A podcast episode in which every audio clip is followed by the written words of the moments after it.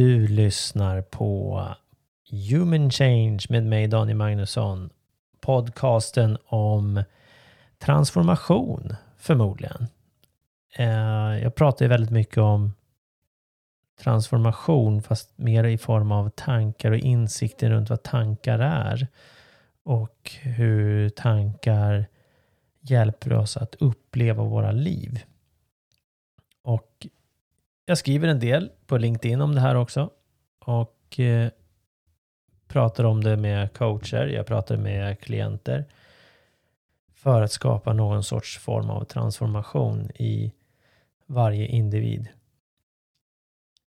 Och jag upplever att många ty kan tycka att det blir lite så här diffust och mystiskt och läskigt när det blir för spirituellt.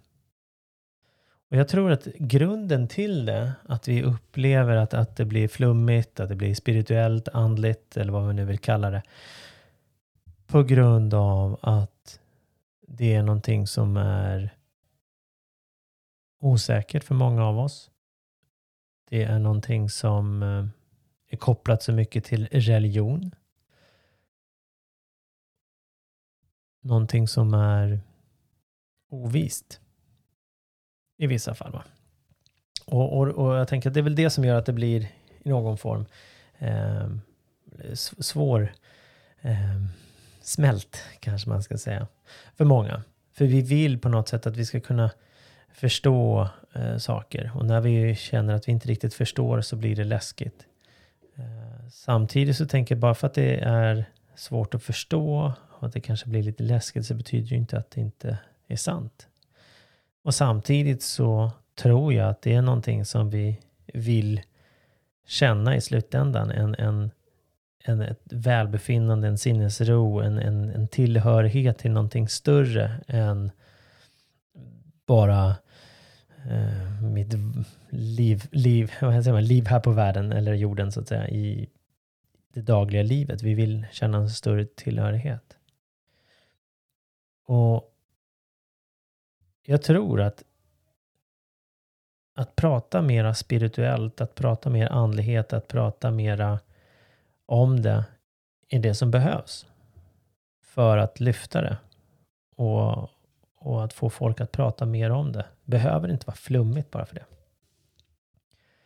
Och jag skrev ett inlägg på LinkedIn för ett tag sedan som nog förmodligen upplevdes mer som spirituellt, gissar jag.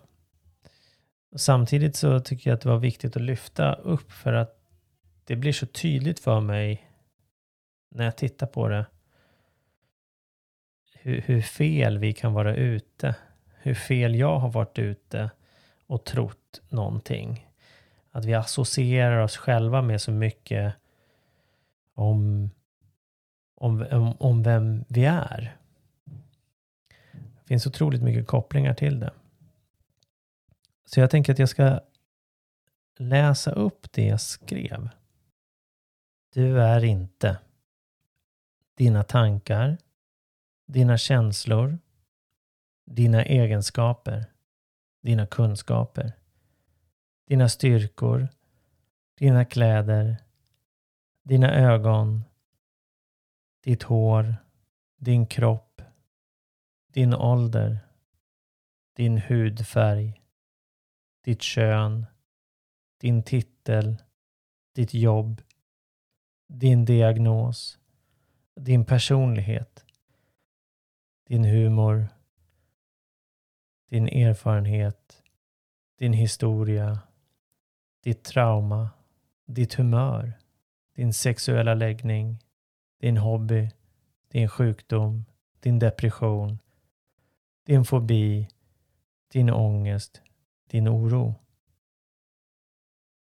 Du är inte heller den som är en son, en dotter, en bror, en syster, en pojkvän, en flickvän, en man, en fru, en sambo, en kompis, en singel, en ensam person.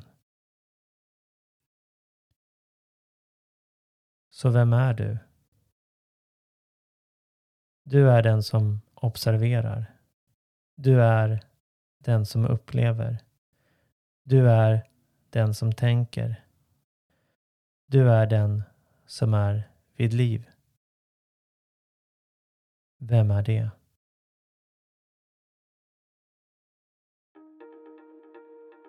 Tack snälla för att du har lyssnat på den här podcasten. Skulle det vara så att du vill sätta ett betyg för att du lyssnar på iTunes är du mer än välkommen såklart att gå in och göra det. Sätt det betyg du tycker att den här podcasten förtjänar. Sätt gärna och skriv gärna en kommentar.